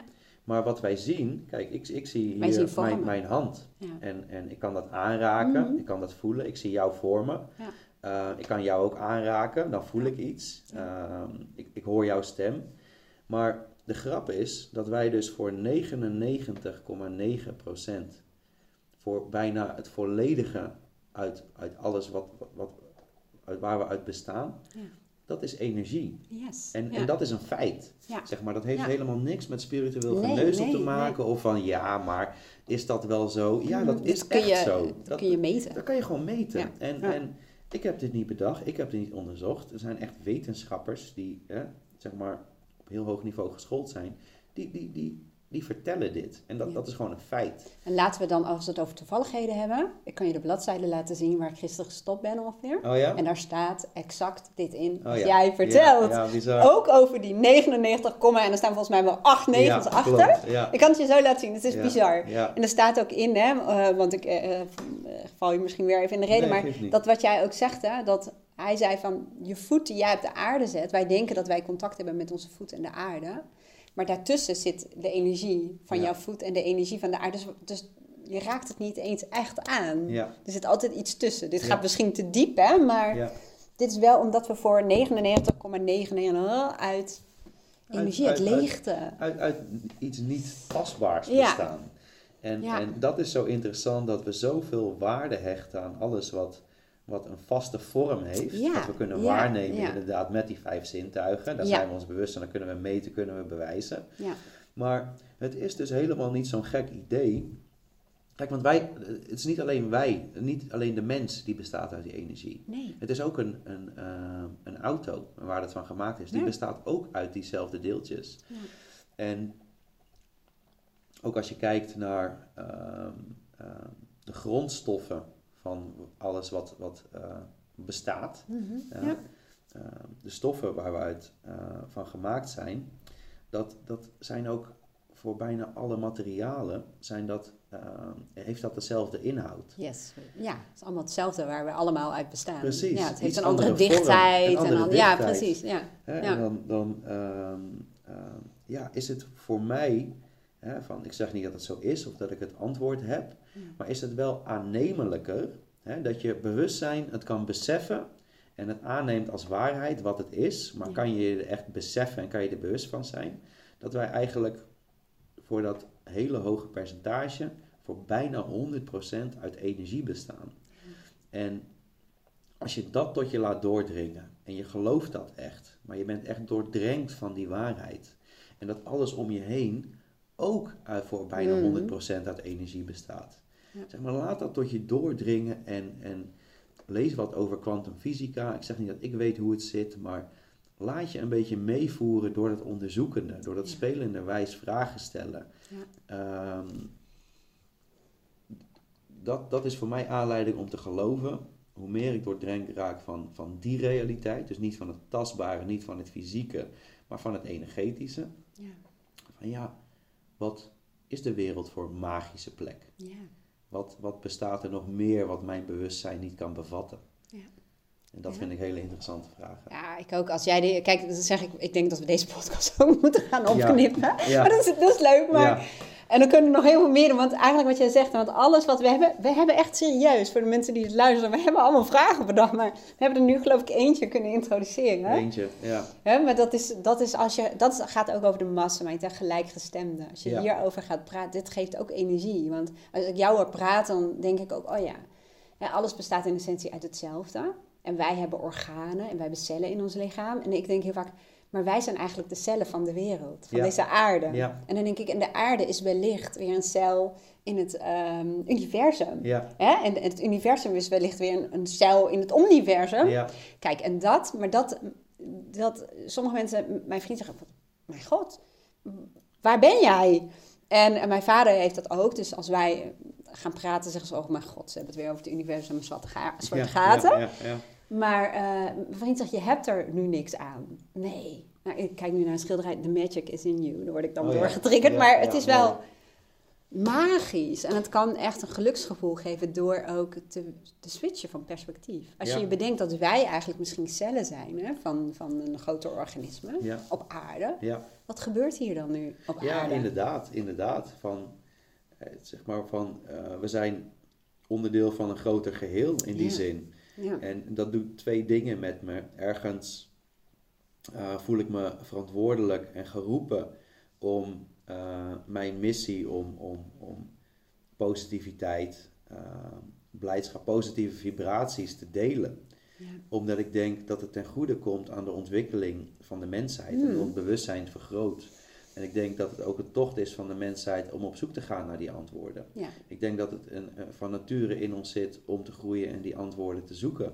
Net zoals dat het voor een boom heel normaal is dat hij wil groeien en zo hoog mogelijk wil rijken en wil leven en richting de zon gaat. Maar ook als je kijkt naar die boom, hè, want sorry dat ik je ook in de reden val, anders dan, uh, dan stop je me wel, hè, maar, maar omdat je zoveel zegt, dat ik denk, oh ja. dat is interessant, want ook die bomen, hè, wat jij zegt van, de boom groeit sowieso naar het licht, maar ehm, wat bomen, als een, een eikel, uh, uh, wordt een eikenboom, niet elke eikel, maar hè, wordt een eikenboom. En, en ik heb soms het idee, die weet gewoon zijn potentieel. Want dat is een eikenboom op een bepaalde plek. En wij, ik heb soms het gevoel dat wij ehm, eh, ook een essentie hebben van wat logisch is dat, dat wij worden. Maar wij raken soms verward door de boodschap van buitenaf wat wij zouden moeten worden. Klopt. Net als, ik ben heel slecht in verhalen terug vertellen, maar over een goudvis die denkt dat hij moet vliegen of zo. Hè? Oh, die voelt zich continu gefrustreerd. Ja. Terwijl, hij moet zwemmen. Hij moet zwemmen. en dat heb ik een beetje het gevoel dat dat ook wel speelt. Hè? Dat mensen iets worden op basis van wat ze aangeleerd hebben of goed kunnen, maar dan niet hun essentie leven. Ja, ja dat, dat, is een precies. Oh, ik heb op een basisschool uh, gaven ze een keer de les van uh, je hebt een olifant, een giraf, uh, een aap en een vis. Mhm. En ze zeiden tegen alle vier die dieren van oké, klim maar in die boom. Ja, alleen die aap kon dat natuurlijk. Hmm. Dus die andere dieren, die voelden zich inderdaad waardeloos. Ja, dat is helemaal niet precies wat jij zegt, de omgeving waar ze in moeten. Dat is helemaal niet hun functie, hun nut. En ik denk dat dat uh, in essentie neerkomt op zingeving vinden in je leven. Ja. En ja, voor, voor, voor mij is dat denk ik uh, ja, dit, dit, dit verspreiden. En dat hoeft ook niet allemaal diepgaand te zijn of Um, op, op, op, op, een, uh, op, op dit niveau van, van spiritualiteit of Wat, wat ik denk dat waarheid is. Van, soms voel ik me al heel erg nuttig als ik in de lift sta en dan kom iemand tegen en ik lach vriendelijk en ik zeg goedemiddag en ik vraag even hoe gaat het met u. Ja. Zo, zoiets kleins um, is ook een positieve vibratie. En ik, ik, ik geloof daar voor mij in dat dat mijn manier van leven is en dat, dat ik dit moet doen. Ehm, ik, ik geloof dat dat mijn missie is. Ik, en en hè, van, van of dat nou uiteindelijk waar is of niet, ik, ik geloof daar wel in. Maar ook al geloof je niet in, in, in missie of, of dat, je, dat je hier bent met een doel. Um, ik denk dat het wel heel veel geluk brengt voor diegenen die praktische willen hebben. Om zingeving te vinden in je leven. Ja. En dat kan net zo goed taarten bakken zijn voor kinderfeestjes. Ja, ja, ja, En dat, dat geeft helemaal niet. Er is daar Ehm, dat is dan misschien je essentie. Ja. ja. Want dat, dat, er zit geen verschil in tussen waarden. Nee, nee. Het gaat erom dat jij dat voelt als ja, dit is mijn zingeving. Ja. Sommigen willen bij de douane werken om de grenzen veilig te houden, weet je wel. Want het maakt niet uit wat het is. Maar ik denk de essentie is inderdaad van erachter komen. Als je een vis bent, dan moet je niet verwachten van jezelf dat je gaat wandelen of gaat vliegen. Dan moet je zwemmen. Ja. En ik denk dat dat heel veel geluk en rust brengt in de levens van mensen. Mhm. En dat dat op spelende, wijs, uh, spelende wijze manier een ontdekkingstocht mag zijn, of zelfs moet zijn, dat je daar plezier in mag hebben.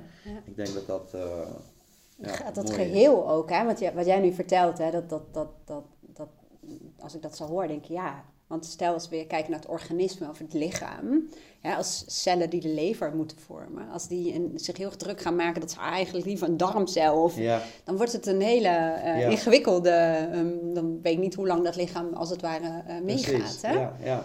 En hoe meer je kijkt, dat wat jij ook zegt, kijk, de reden waarom jij en ik eh, helemaal kunnen nadenken over het universum, universum, zwarte gaten, die voorkeur hebben wij niet voor niets. Nee. Ik denk dat, dat, dat, dat ik daar helemaal excited van kan raken. En, Ja. en ook dat we daar nog zes uur over door kunnen praten, maar dat Ja. past niet met de telefoon. Maar, Nee, we moeten hem zo afronden. ik, ja, dan, Ja. maar dan toch, dat is niet voor niets. En dat bijvoorbeeld Ademen vinden ze echt financieel enorm sterk. En dat is ook, ook zijn vak. Ehm, ja, daar heb ik heel vaak geen kaas van gegeten. Nee, maar dat, niet. dat, nee, en als hij. financieel adviseur. Ja, Ja, nou, ja. en dat is, dat is zijn eh, toegevoegde waarde. En, en dan eigenlijk is het ook verspilling. Als hij zo goed is daarin, dat hij zich ook nog eens even bezig gaat houden met het universum. ja, ja. Denk ik hoor. Ja, nee, ik, ik, ik ben het met je eens. Ik ben het met je eens. En het, het, het is, we hebben nu al een vergelijking naar de natuur getrokken. Ja. Al twee keer. Ehm, ja, een eikel van, val- valt van de boom. Die weet wat hij is. Hij moet zich proberen te ontwikkelen tot een eikenboom. Ja. En Eh, omgeving is daarbij ook belangrijk. omgeving is daar heel, Ja, ja, heel ja, bij ja, belangrijk. Je, hebt, je, hebt, je hebt vissen in het water, eh, je hebt insecten die over het water kruipen.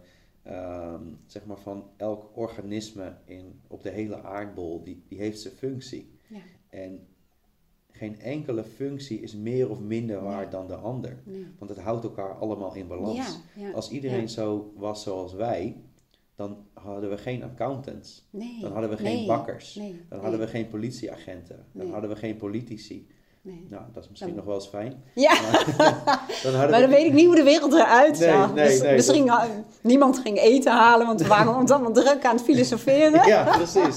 Ja, dus Ja, eh, was de niemand- levensduur ook niet zo heel erg Nee, eh, nee. goed. en ja. iedereen heeft daarin zijn rol. En dat is allemaal gelijk. En niet iedereen hoeft zeg maar, met hetzelfde bezig te zijn. We hebben ook uitvinders nodig. Mensen die, die, die, die eh, schone auto's. En Elon Musk, die, die Ja. nou, noem je een hele grote. Maar ja, ja. het voorbeeld was meer van iemand die innoveert op technologisch gebied. Dat is ook heel belangrijk. Mensen die huizen bouwen. Iemand die verstand heeft van een cv-ketel. Yes, Weet ja. je wel, denk je van, oh ja, ik ben, dat is een cv-ketel-installeur. Wat, wat is nou het wat is, wat is zijn functie? Wat is zijn organisme dan? Nou, dat hij ons allemaal, Warmte brengt. ja, een warm, een warm ja. huis, een warme douche. Eh, We kunnen koken daardoor eh, op gas, op, op, eh, op elektriciteit, zeg maar. Dat, dat is super waardevol. Ehm, dus ja, dus die zingeving kan in zoveel vormen bestaan. En ik denk dat dit die voor ons is.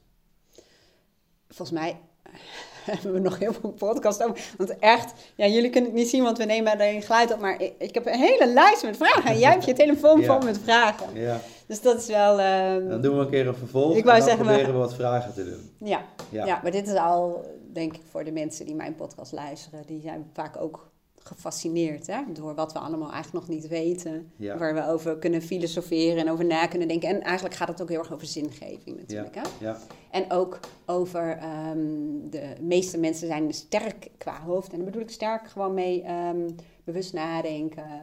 eh, weten dat je eh, hoofd een instrument is, hè? hoe je dat kunt gebruiken, maar ook sensitief. Hè? En, en hoe kunnen die twee zodanig samenwerken dat het echt samenwerken is. Hè? Dat als de, je hoofd overhand krijgt, nou dat weten we allebei, hè? dat is denk ik bij ons allebei wel eh, de, de valkuil. ja, Maar als het gevoel het alleen maar overneemt, ja, dan dat weet ik niet eens hè, hoe dat is. Maar ja.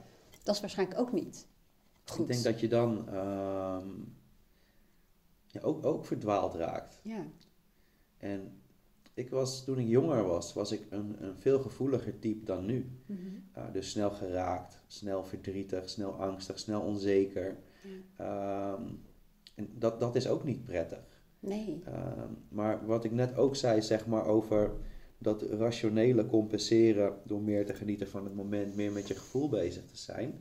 Maar dat je nooit het antwoord gaat vinden van, of de plek gaat vinden van zo, nu ben ik in balans en zo blijf ik. Nee. Dat blijft constant een zoektocht. En ik denk dat het andersom ook zo werkt. Als jij veel meer een gevoelsmens bent Mhm. En intuïtief bent of snel emotioneel bent of juist over alles enthousiast bent, dat, dat kan ook een valkuil ja, zijn zeker. Ja. dan zal het je zoektocht zijn om je ratio meer te versterken en als instrument in te zetten om keuzes op te baseren, op die Ja. emoties een beetje onder controle te houden. Ja. Ja, wij doen een beetje het tegenovergestelde nu, hè, Ja. van dat ratio iets, iets op, een, op een lager pitje zetten. Maar ook als je een gevoelsmens bent, dan zal het ook een, een, een constante zoektocht zijn naar balans, een beetje fine-tunen, een beetje schaven. Of vandaag ging het zo, ehm, dan moet het morgen een beetje anders. Ja. En ehm, ja, wat ik zeg, ik denk zeg maar dat.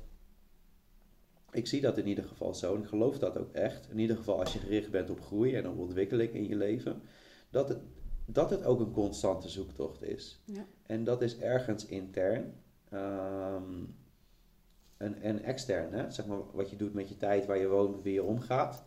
Ehm, en en dat, dat is een zoektocht waar, je- waar je in verandert. Het is niet statisch, zoals jij het noemde. En dat, dat is perfect verwoord, denk ik. En het interne is, is ook niet iets Nee. statisch. Dat, is- dat is ook constant in ontwikkeling en is ook een constante zoektocht. Maar als je dat gaat zien als iets leuks, Ja. ik denk Het is dat... ook avontuur. Ja, Ja. klopt. Ja. Dat woordje avontuur, ik wilde dat inderdaad net nog zeggen. Van, toen ik jong was, verveelde ik me heel erg. Mm. Want ik paste gewoon niet in het stramien van naar school gaan en werken. En dan stond ik op de trein te wachten met zo'n massa mensen. En ik was op jonge leeftijd al heel erg wereldbewust over het onrecht in de wereld Mm. en de ongelijkheid. En dat er gewoon dingen niet klopten. En ik kon dat niet loslaten. Nee. En ik snapte niet dat iedereen maar zijn leventje le- aan het leven was. Terwijl jij het zo anders zag. Ik zag het zo anders Ja, en ik ben ja. er zo van in de war geraakt. En eh, dat en wat dingen uit mijn jeugd hebben er ook, eh, ja, naast ook denk ik verslavingsgevoeligheid Mhm. dat in de familie zit. Dus een combinatie van die factoren hebben er ook heb- heb- hebben geleid naar mijn eh, leven vol verslaving aan, aan drank en drugs. Maar ik heb altijd gezegd van nee, ik ga dat niet doen. Ik ben op avontuur en, en ik ga dat niet doen. En vooral het woordje avontuur heb ik zo vaak benoemd Ja. tot kort geleden, zeg maar, dat ik altijd van nee, ik ga hard werken en rationeel en doelen en dit en dat. Kort geleden, zeg maar, juist toen ik mezelf tegenkwam in het verwezenlijken van doelen en eigenlijk daarin doorslaan, dat het Ja. onprettig werd, omdat ik merkte van nou, ik geniet minder van het leven, Ja. dan heb ik weer tegen mezelf gezegd van hé, maar jongen, je bent eigenlijk nog steeds op avontuur. Ja. Het avontuur is nooit gestopt. Dat heeft een heel andere lading. Hè? Want anders zou ik zeggen, dan is mijn verslaving informatieverslaving. Hè? Informatieobesitas, als het Ja. ware. En doen-verslaving is ook een verslaving. Hè? Ja, Het is alleen niet, eh, wordt niet zo gekaderd, maar het is net zo hard Ja. verslaving. ja, ik geloof dat wel, ja. En ehm, wat jij zegt, als je het meer als een avontuur gaat benaderen en jezelf de ruimte geeft, wordt het inderdaad een heel ander verhaal. Ja, En dan even als laatste vraag, hè? want stel dat wij de volgende keer elkaar spreken voor een nieuwe podcast. Hè? ja, ja. Wat zou je dan willen eh, vertellen aan mij wat je gelukt is of wat je ehm, weer verder heeft gebracht? Of... Ehm, ik heb, eh, dat hebben we ook in de mastermind, eh, ik denk ja, wat twee jaar geleden ongeveer Mhm. of zo, Ja. hebben we doelen gesteld. Harde doelen, concrete doelen. Die heb ik allemaal behaald. Ja. Plus nog een beetje, plus nog een Ja, beetje. ja, ja, ja. Zo Het is echt heel dat. bizar hoe dat is gegaan. Ja. Maar dat zijn allemaal, ehm, eh, ja, met harde doelen. Maar met harde doelen bedoel ik, die zijn echt meetbaar. ja, smart doelen, bij wijze van spreken. Ja, Dus een, een, een, eh, een financieel doel, een eh, beroepsregistratie, een onderneming starten, ehm, dat soort dingen. Ja. En dat, dat is allemaal gelukt. Maar ik zou heel graag, en ik heb zo ook, ook langetermijn doelen, zeg maar, voor mezelf in mijn leven. En ik ben daar dagelijks heel hard mee aan het werk. Maar ehm, dat, dat heb ik ook geleerd en ook van jou geleerd. Ehm, dat, dat je dingen mag geloven en mag uitzenden in het universum en het dan weer mag loslaten. Mhm. Uh, bij mij lijkt het bijna op een fixatie soms Ja. in hoeverre ik uh, in mijn doelen zit en in mijn prestaties zit. Maar ik wil dat dus leren uh, loslaten. Ik, ik wil loslaten waar ik naar streef. Mhm. Ik wil teruggaan naar mezelf, naar mijn gevoel, naar het nu. Uh, ik wil meer genieten van de kleine dingen om me heen, de mensen om me heen en me dankbaarder voelen. Ja. En vertrouwen op dat die uh, doelen op deze manier er vanzelf gaan komen. Ja.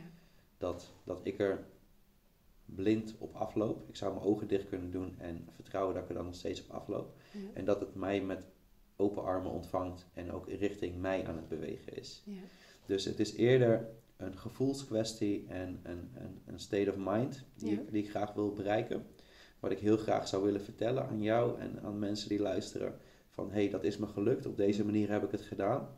En ik ben gelukkiger, tevredener, zonder dat het ten koste is gegaan van wat ik wil bereiken. Ehm, ja, ik wil heel graag daar ehm, een mooi verhaal over kunnen vertellen. Ja, dat, dat kan ik me dan wel helemaal bij aansluiten. Want eigenlijk zeg je ook, ehm, tenminste, dat, zo probeer ik het dan in mijn woorden samen te vatten. Want dat is denk ik ook die van mij. Hè? Dat is waar we het over hadden, die samenwerking tussen het rationele brein, zullen we maar zeggen, dat uh, doelen formuleert op basis van je waarden. Hè? Dat het wel echt uit jou komt. Hè? Want dat is natuurlijk ook wel heel belangrijk, denk ik. En dat je dan vervolgens de ruimte geeft aan uh, het universum, aan je eigen onderbewuste brein, whatever wat het is. En dat jij bezig gaat met um, dat wij op dat moment plezier in hebben. Net als een, een taart die je in de oven zet. Ik ben helemaal niet goed in taart te bakken. Maar dan ga je ook niet de hele tijd mee zitten lopen nee, bemoeien. Nee, precies. Op de hele tijd voorzitten voor kijken, even prikken. Nee, dan moet je gewoon laten. Nee, je gaat gewoon de dingen... Dus dat is voor mij denk ik exact hetzelfde. Zo van, um, ik stel uh, de doelen, maar ik, ik, ik ga het ook niet allemaal meer wegzetten in de tijd. In die zin dat ik ook vertrouw dat sommige dingen, uh, divine timing zeggen we maar op het moment komen. Ja. En dat ik dat ook niet allemaal um, moet denken te kunnen bepalen. Nee, nee. Want zo werkt het in de praktijk vaak ook niet. Nee, dat klopt. Dat klopt. En, en dat vertrouwen daarin hebben, dat, dat is een hele mooie, ik denk, vertrouwen. En je kan vertrouwen op, um, op iets groters, op, op iets wat het stuurt. Ja, op jezelf. Maar ook inderdaad op jezelf. Je ja. kan ook gewoon heel veel vertrouwen hebben in je eigen capaciteiten. En, en um, zeg maar van welke negatieve ervaring heb je in het verleden waardoor het aannemelijk is om aan te nemen dat het niet gaat lukken? Ja. Ik heb die niet. Want eigenlijk lukt heel veel me. Ja. En er zijn me wel dingen overkomen waardoor ik heel veel pech heb gehad en, en, en eh, bij wijze van spreken in de modder ben gedrukt. Mhm. Maar het is altijd gelukt om weer een betere versie van mezelf te Ja. maken. En daarom ben je nu wie je bent en doe je Ja, wat je doet ja, natuurlijk. hè? precies. Ja, het was ook voeding. Ja, ja, het was zeker voeding. Het Ja. is, het is een, een, een ander soort bodem ehm, waaruit je ontkiemt. Ja. Ehm, en, en ja, die, die, die, die is voor mij heel vruchtbaar geweest. Mest is ook shit, hè? ja, precies. dat klopt Dat is wel een eh, leuke titel voor deze podcast. Ja, mest is ook shit. Ja, maar inderdaad, is ook heel vruchtbaar. Ja, ja. Dus, eh, nou, wij moeten elkaar zeker weer spreken voor een Dat lijkt podcast. me leuk. Dus, ehm, nou, dankjewel, zou ik zeggen. Ja, jij ook bedankt. En eh, het lijkt me echt heel leuk om te kijken van over een tijdje van joh, hoe zijn we bezig geweest eigenlijk met exact hetzelfde thema. Ehm, en, en wat zijn we daarin tegengekomen? Ik denk dat we daar eh, veel van kunnen leren. Ja. Mooi. En het leuke is om eh, nog even af te sluiten, want we maken het meteen een klein beetje praktisch. Hè, dat jij zegt, sommige dingen moeten ook gewoon ontstaan. En ik weet, er zit iets in dit soort gesprekken, in een mastermind. hè, Iedereen gaat altijd stuiterend naar huis. Ja, En dat ik weet, daar zit een potentieel van mij, zeg maar, om daar iets mee te... Maar ik weet het nog niet. En Ja. eerder was, zou ik dat helemaal proberen vorm te geven en uit te denken op basis eigenlijk van wat bestaat, hè, doe je dan. ja, En nu geef ik het de ruimte. Ik denk, nou, dit was gewoon een heel mooi gesprek. ja, Dus nou, dan ga ik naar de volgende kijken, wat Ja. er verder ontstaat. En wat Precies. daar dan uit gaat rollen. in plaats van bijna geforceerd betekenis eraan geven. En wat kan ik meenemen en hoe kan ik dat omzetten in iets concreets. Ja, Ja, ja, dan ga je het heel erg forceren. ja ga je meteen, wat kan ik hiermee doen? Ja, ja, precies. Ja. Ja, het is wel, eh, wel mooi misschien om eh, mee af te sluiten. Van laat Ja. dat gewoon gaan. En, Ja. en, en En kijken waartoe dat leidt. Precies. dus, eh, nou, nogmaals dank. Yes, jij ook. Graag gedaan.